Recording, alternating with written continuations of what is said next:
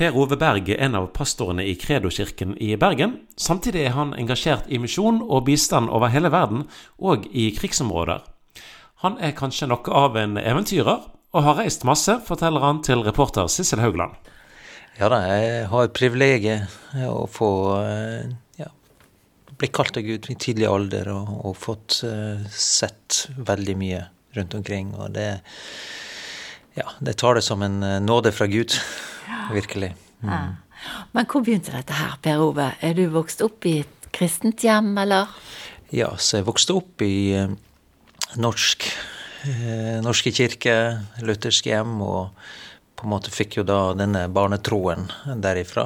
Satt med på kirkebenken og på søndagene og dingla med beina. Men i, i, tenårene så hadde jeg en periode hvor jeg ja, brøts veldig med med troen. Fordi at eh, det var mye teori eh, for meg. Skjønt, altså Det hadde ikke på en måte festa seg i hjertet. Og eh, fått Hadde ikke gitt mitt liv til Jesus. Så det var en, en del år der hvor jeg følte meg veldig splitta. Og ja, var én person når jeg var av og til på den kristne ungdomsklubben, og så var jeg en helt annen person når jeg var sammen med vennegjengen på fest eller diskotek eller noe sånt. Så det var Husker jeg ennå hvor hvilken kamp jeg opplevde det var på den tiden. Mm.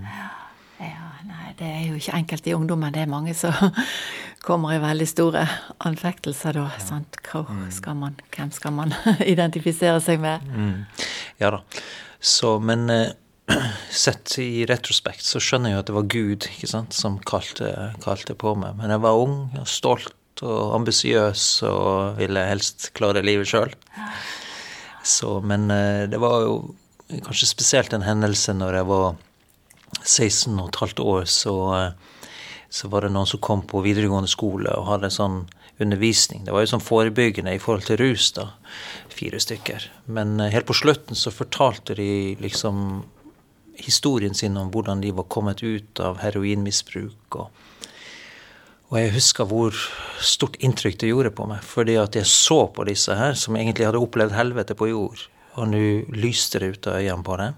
Så tenkte jeg på mitt eget liv, som hadde vokst opp, og som hadde egentlig Alt gikk bra for meg. Det gikk bra i idrett, det gikk kjempebra på skolen. Vi hadde reist rundt som familie i Europa og mangla ingenting. Men jeg hadde ikke det lyset som jeg så hos disse menneskene her. Og det gjorde at det vektes eh, et spørsmål i meg. da. Mm. Så inviterte de til eh, Bodø domkirke da, på kvelden. Så eh, jeg dro dit for å høre mer av hva de hadde å si. da. Og da, for første gang det ble jo, Dette var jo helt nytt i kirka òg, men det var en mann som reiste seg opp, og så ga han et talte han i tunger. Ikke sant? Og det ble jo, Hele kirka frøys jo, og ingen visste hva de skulle gjøre, for dette var de ikke vant til. da. Men jeg satt bak i benkeradene, og så var det akkurat som en knyttneve som slo i magen på meg. Jeg bare sank sammen i benken. Så jeg har jo skjønt i ettertid at det var, dette var til meg. Det var ingen som tolka det eller tyda det. det var ingen, ingen visste hva de skulle gjøre med det, så de bare fortsatte gudstjenesten, liksom. Men eh, ja. Og da, helt på slutten, så, eh, så ble det jo kalt fram til alterringen, de som eh, ønska å få forbønn, da. Men jeg var stolt, eller hva jeg, som jeg sa, så jeg kom meg liksom ikke opp til alterringen. Men da var det ei ung dame som kom bort til meg og pekka meg i skuldra og sa til meg 'Per Ove, skal ikke du opp dit?' Men eh, jeg ropte til henne. 'Nei', sa jeg. Skal ikke det. Så kom jeg meg heller ikke ut av kirka, så jeg ble gående fram og tilbake i kirkebenkene. Peste fram og tilbake. Og så kom denne ubehagelige unge damen en gang til og pikka meg i skuldra og sa 'Per Ove, skal ikke du opp dit?' 'Nei', ropte jeg. Men så gikk det ikke lang tid, for det var noe som smelta på innsiden. Og så fant jeg meg sjøl på en måte gående opp til ringen og knelte der. Og da minnes jeg ikke eksakt hva jeg snakka med vedkommende om, men jeg bare sa at innerst inne så ønsker jeg å, å tro på Jesus og være en disippel av han, men eh, jeg våger ikke å på en måte si det nå. Så han la hånda på meg, ba en enkel bønn, og så når jeg da reiste meg opp og gikk ned Det er tre trapper, tre steg ned til til på gulvet i kirka, da, kan du si, fra alteret. Og idet jeg trår ned disse trinnene, så Jeg kan ikke beskrive det på en annen måte. Det er som en ildkule som treffer meg. Altså, som slår gjennom hodet og gjennom, går gjennom hele kroppen. Og eh, det var som et kolossalt sjokk. Eh, det var en det var som et, Tankene mine det var som et vaskebrett. altså Bare på sekundene så endra tank, tankene mine seg. Og jeg opplevde en sånn ekstrem glede. Og i et øyeblikk så skjønte jeg at Gud er min far, og at han elsker meg. Og at han er virkelig. Og at han vil ha med meg å gjøre. Ja. Og det, det, hadde vært litt fjernt før, før dette. Men det, det var akkurat så det, det var bare på snakk om sekunder så ble dette eh, åpenbart. Og, så når jeg blir glad, så liker jeg å løpe. da, Så jeg for ut av kirka og så bare spurta bort gjennom parken.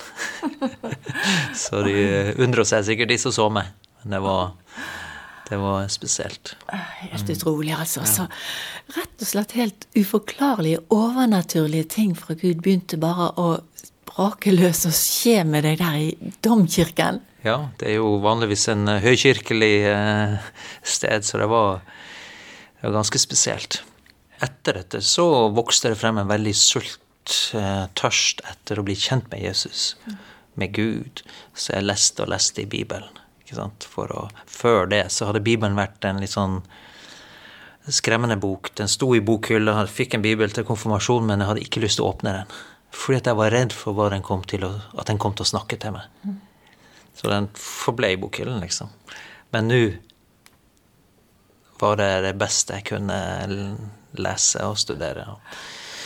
Og da begynte jeg å oppleve på en måte Guds ledelse. ikke sant? At Gud talte til meg eller viste meg ting, og ja, at jeg kunne be for folk, og det skjedde helbredelser. og Fikk liksom kunnskapsord. og alt, Det var en helt ny verden som åpna seg. Mm. Det ble tent en, en uh, brann i mitt indre som uh, ja, Vanskelig å forklare. Det bare er der. Ja, ja. Så det kom en enorm hunger etter Guds ord etter mm. disse hendelsene i domkirken. Ja, og også eh, i den prosessen av å søke han, da, så opplevde jeg jo på en måte det her med å eh, ja, begynne å tale i tunger, bønnelivet begynte å utvikle seg. Og, og så vokste det også en tydelig bevissthet rundt kall. Hva, liv, hva skulle livet mitt handle om? Så det var også en, en overgivelse til et livskall om å nå folkeslagene med evangeliet. Og være villig til å gå ut med evangeliet på steder som uh, vanlige folk kanskje ikke ferdes. Mm. Uh, og det så det ser jeg. Ikke sant? Det, er en, eh, det fins en plan fra Gud, og når vi følger den og forsøker å følge den, så, så er det eventyr. Utfordringer, men eventyr også. Ja, men det begynte med òg at du så for deg store folkeskarer og mm. sånn. At Gud på en måte viste deg at eh, det, det du skulle ja. komme inn i. Ja da.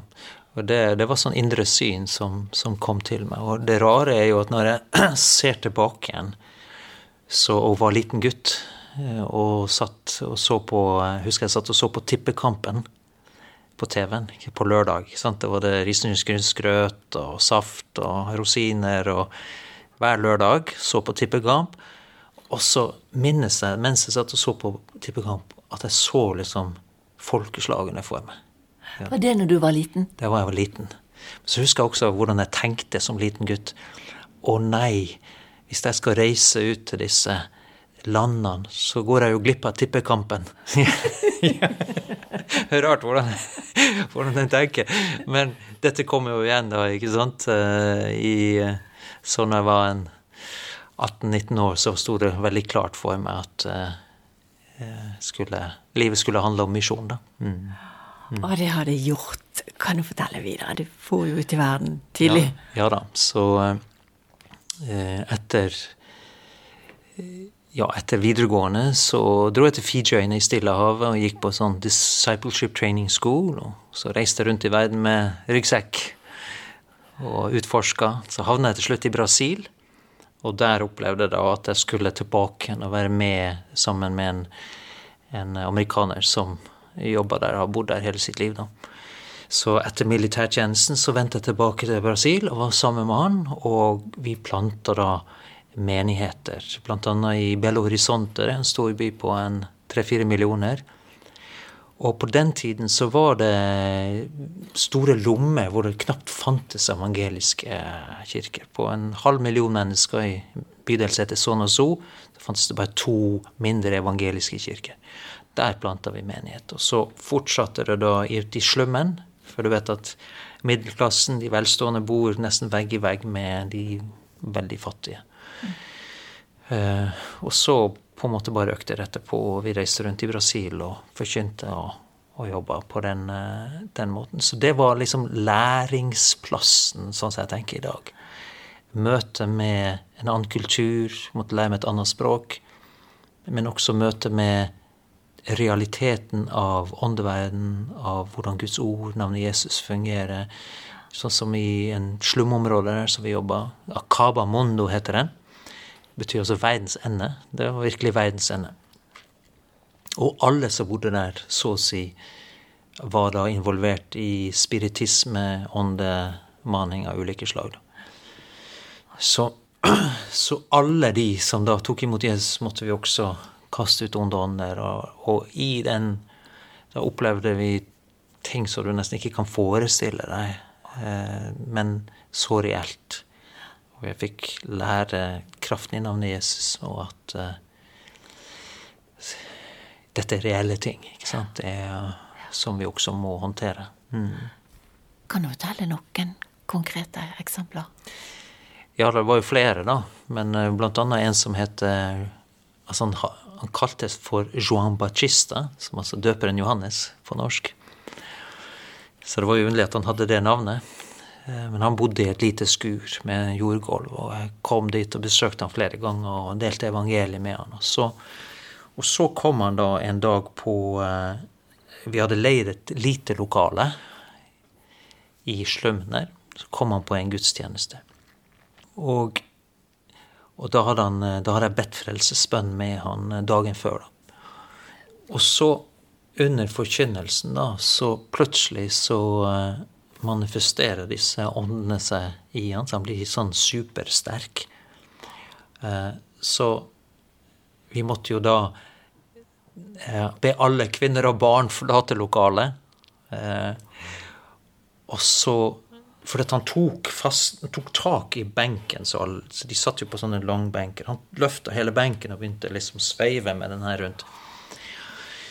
Så da var vi en fem-seks menn som kasta oss over han for å holde han. Eh, og så drive ut den eh, ånden, eller åndene, som, eh, som kontrollerte han. Og da husker jeg og plutselig begynte denne stemmen, den rare stemmen å snakke til meg. Gjennom han? Gjennom han, ja. Og så sa den at eh, han tilhører meg, jeg fikk han i gave. Jeg skjønte jo liksom hva, hva er dette for noe, men vi bare ga oss ikke. Vi bare fortsatte og fortsatte å be og befale, og slutt så slapp det. Så for de ut av ham. Og da fortalte, ble jeg fortalt senere at han ble ofra til djevelen som baby. Ja. Så, så, sånne ting på en måte var det, var det mye av. At de dedikerte barna sine til onde ånder. Så de det, fikk det liksom helt i oppveksten, mange av de. Så det ja, flere sånne, sånne hendelser, da. Så da Så han forble løst, da? Ja, han, eh, han, ble løst der og da og eh, ja, fulgte Jesus. Og så vet ikke jeg hvordan det går med han i dag, men det var, det var en sånn radikal forandring. Og så har jeg reist tilbake til Norge, gifta meg med Kirsten, og så bibelskole. Men dette med folkeslagene og misjon har alltid ligget der. Så når vi da flytta til Bergen og var med og starta menigheten her, som i dag er Kredo-kirken, så ble jo det på en måte en læring, også det. Altså den lokale menighet. Betydningen av det lille fellesskapet, av det store fellesskapet. Og det har jeg hatt med meg ut på misjon. Så nå når jeg reiser og underviser, så, reiser, så trener vi jo pastorer og ledere, tjenestegaver, menighetsplantere. Og mye av den erfaringen som jeg har da herifra, på godt og vondt, blir da verktøyene og gullet som en kan formidle der ute. Hjelpe menn og kvinner til å stå i ledelse og, og bygge menigheter. For vi tror det er på en måte Jesus er verdens håp, men det han bruker da sin menighet. Og det, alt det her vil få sitt eget uttrykk gjennom ulike kulturer og ulike nasjoner, men allikevel så er det grunnleggende de bibelske verdiene og prinsippene, og det gjelder overalt. Ja. Så det er det som jeg brenner for. Mm. Lokale menigheter på byer, i byer og landsbyer som aldri har hørt evangeliet. Yes, reise opp det. Du får reise rundt og reise rundt i krigsområder, i mye områder du har vært der. IS har hatt fotfeste og det hele tatt. Ja da, så jeg opplevde jo eh, Vi så noen eh, muslimer komme til tro her i menigheten i Bergen. Og da gjennom dem så fikk jeg også kontakt i Nord-Irak. Og reiste en god del år der. Og så skjedde jo dette med IS og krigen som oppstod der. Og da starta vi jo å hjelpe flyktninger som bare så mye vi kan. Og da eh, var det flere ganger at jeg også reiste inn i Syria, altså i Nordøst-Syria, og, og, var ved frontlinjen i Mosul når de frigjorde den byen, og Shingalfjellet, hvor de på en måte jeg var nærmere 100 000 jesidier som flykta opp på dette fjellet. Og, så jeg fikk se krigen i all sin gru, men også Eh, ja, og mennesket og menneskets situasjon i, i, i, dette her. Og da kunne komme med Guds kjærlighet, håp. Og vi har jo sett da i løpet av denne, disse årene at mange har kommet til tro på Jesus òg. Ja. Så det eh, Jeg tenker jo at vi som troende, som kirke, må jo være til stede der nøden er som størst. Og det var en av de tingene som denne jeg opplevde Gud sa til meg da, personlig. Dette er jo ikke for alle. Men at, at jeg skulle sette foten der mørket er som størst, og proklamere Guds rike. Så det, det har gjort at jeg har reist i konfliktområder og på en måte selv, I tillegg til hjelpearbeider, men også og, og det å dele evangeliet i den grad man kan gjøre det på forskjellige måter. Men også det å bare proklamere Guds rike altså i mørket. Mm. Så det Ja, det har vært fantastisk å se at gjennom dette her så popper opp altså, fellesskap av nye troende i, i Midtøsten, da. Og, mm. Men det krever jo mot. Er ikke du redd? Frykter du ikke når du skal inn i sånne livsfarlige områder for oss, menneskelig sett? Jeg, jeg har vel egentlig ikke opplevd så veldig mye frykt. Eh, men det har med at eh, jeg veldig, forsøker å være liksom veldig nøye med å kjenne at jeg er ledet av Gud. Sant? Jeg har fred for og ufred. Og det har jo vært tilfeller hvor jeg har blitt advart. Ikke? Ikke dra dit, eller ikke kjør den veien der. Og, og sånt. Og fått vite i etterkant at det lå snikskyttere på, på veien. Så det, men eh, ja, det er klart at akkurat eh, i noen tilfeller hvor du faktisk opplever krig, og raketten lander i nærheten, og der er droner, og der er skyting osv., så, videre, så så opplever du jo en sånn en, en spenning som er veldig høy, da. Eh, jeg oppsøker jo ikke det med vilje, men av og til så har jeg havna der, da. Og det er for det er så, nøden er så stor, ikke sant. Og det går sånn utover sivilbefolkningen også, ikke sant. Det, så jeg tenker at vi som kristne, de som kjenner kall og på en måte har utrustning til det, vi, vi må være der nøden er størst også. Vi kan ikke bare gjøre det som er trygt og sikkert, for da eh, Menneskelig sett. Da får vi ikke gjort jobben vår, rett og slett. Du har jo vært inne i krigsområdene i Ukraina òg? Ja, vi var ikke helt framme ved frontlinjen, men vi var, nylig i, uh, i, Ukraina i Øst-Ukraina, og også i Kharkov, eller Kharkiv, området der. Og det var jo visse områder hvor ja, de skyter jo raketter hele tiden, ikke sant, og hvor vi uh, hvor granatene også lander jevnlig. Så men igjen, jeg tenker hvis det kan være mennesker der, så kan jeg være der. Ja.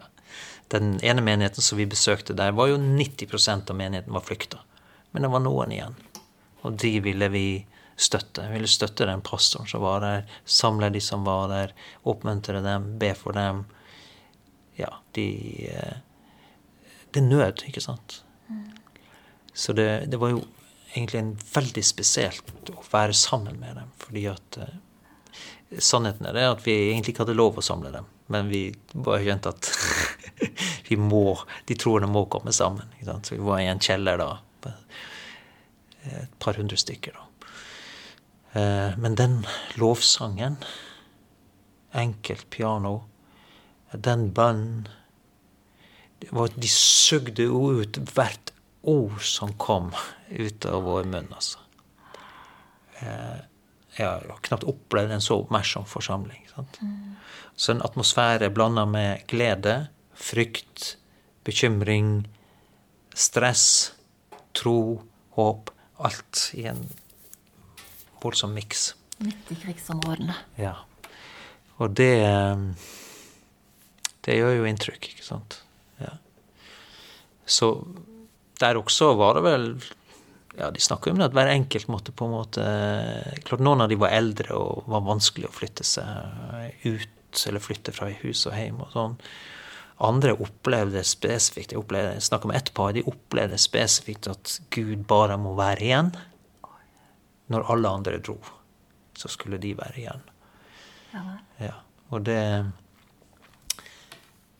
Ja, modige mennesker, ikke sant, som uh, og de leda da en, en, eh, mindre gruppe med troende og tok hånd om folka. Så, veldig, så de er jo heltene, tenker jeg, for de er jo der. De er jo i konstant fare. Mm. Vi kommer der og er i fare en periode, så drar vi.